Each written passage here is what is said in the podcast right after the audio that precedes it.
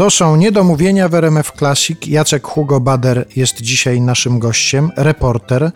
Książka Szamańska choroba stała się powodem naszego spotkania. Ta książka właśnie się ukazuje. Nie boi się pan, że ludzie się będą pana bali? Bo jak ktoś ma kontakty z szamanami, to może i sam trochę się staje szamanem. Generalnie tak, szamanów należało się obawiać, bo szaman to jest ktoś, kto jest jakimś takim ważnym dla społeczności człowiekiem. Najczęściej pełnią funkcję lekarzy. Leczą zwyczajnie, ale są takimi przewodnikami duchowymi, takimi, którzy dużo wiedzą, do niego można przyjść, się poradzić. Jest takim miejscowym mędrcem i kapłanem często, który odprawia rytuały, różne rytuały, ale większość z nich to jednak leczy. Ale jaki leczy, to też może Zaszkodzić. zaszkodzić oczywiście. W informacjach zapowiadających tę książkę Szamańska choroba pojawia się takie zdanie, że pan od wielu lat chciał się zmierzyć z tym tematem, przymierzał się pan do tego tematu, ale się pan bał. Tak, A czego się pan bał? Po pierwsze, po dziennikarsku, po reportersku bałem się wielkiego tematu. Jest jakieś wielkie zadanie. Masz wystawić wielką operę, ale po prostu boisz się, ponieważ wiesz, że to jest takie wielkie przedsięwzięcie, że odkładasz to na później. No, masz obawy po prostu, czy ci się powiedzie. A poza tym wiem, że wchodzę w rejony świata, których nie rozumiem, których należy się obawiać. Szamani wzbudzali zawsze lęk w swojej społeczności. To byli źli ludzie, także źli ludzie, bo jest to takie pojęcie, jak jest biały i czarny szaman. Generalnie się mówi, że biały to jest ten dobry szaman, a czarny to jest ten niedobry szaman. To jest ogromne, wielkie uproszczenie, to co chcę mówić. Podział polega na tym, że biały szaman pracuje z duchami z górnego świata, a czarny szaman z duchami z dolnego świata. Duchy dolnego świata to my wiemy, kto to są. A czym są choroby?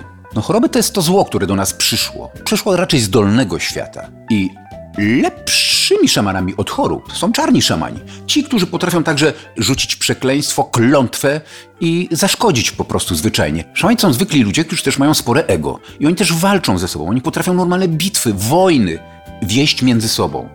Szamanka, do której jechałem, Ajczurek, od której moja opowieść w tej książce się zaczyna, ona poległa właśnie na takiej wojnie. Po prostu walki między szamanami. Cała organizacja szamańska, której ona przewodziła, walczyła z tą inną organizacją szamańską. To była wojna światów. No i tak, no więc bałem się tego, nagle wejść w coś takiego, czego nie rozumiesz. No bo nie jest łatwo zrozumieć szamanizm, co to jest, i zrozumieć tych szamanów, co oni do ciebie mówią. Kiedy ty o coś pytasz, on mówi, sza, tego nie wolno mówić, bo jak powiesz, to już zamieszka w twojej głowie. Hello, ale co to znaczy? On ci mówi, że coś złego może zamieszkać w twojej głowie i że ci ten, ten łeb rozwali od środka. Są to trudne i tajemnicze sprawy, których można się obawiać. I obawiam się jeszcze tego, panie Arturze, no, że ja opowiadam takie czary, Pan na mnie patrzy, słucha co ja mówię, ale co pan sobie o tym myśli, to ja nie mam zielonego pojęcia. I w zasadzie, gdybym był na pańskim miejscu, to tak bym troszkę wątpił i sobie myślał, że tu przede mną siedzi wariat, który dał się jakoś e, oczarować, któremu zaśmiecili mózg jakimiś magicznymi sprawami. No nie, to ja panu powiem, co ja sobie myślę. Ja sobie myślę, że siedzi przede mną reporter, który kiedy nagle spotyka taki temat, no to trudno by było, żeby się z takim tematem jednak nie zmierzył, nie spróbował się zmierzyć.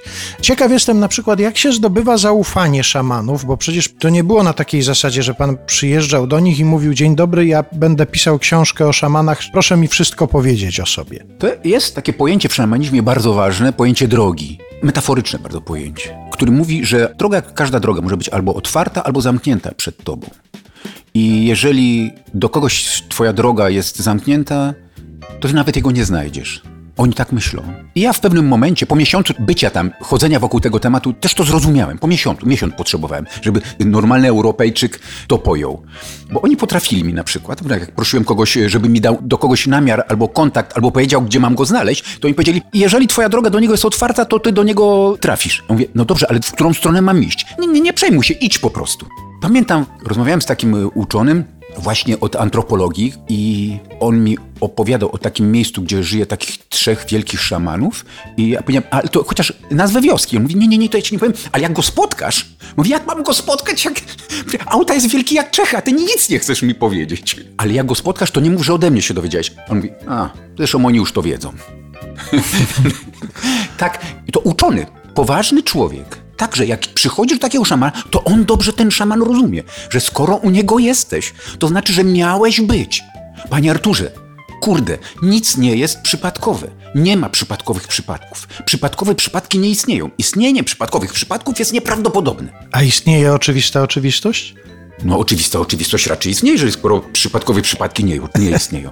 Jest oczywistą oczywistością, jeżeli ja do niego przyszedłem i pukam do jego drzwi. To on mówi, no tak, no skoro tu jesteś, to na czym miałeś tutaj być?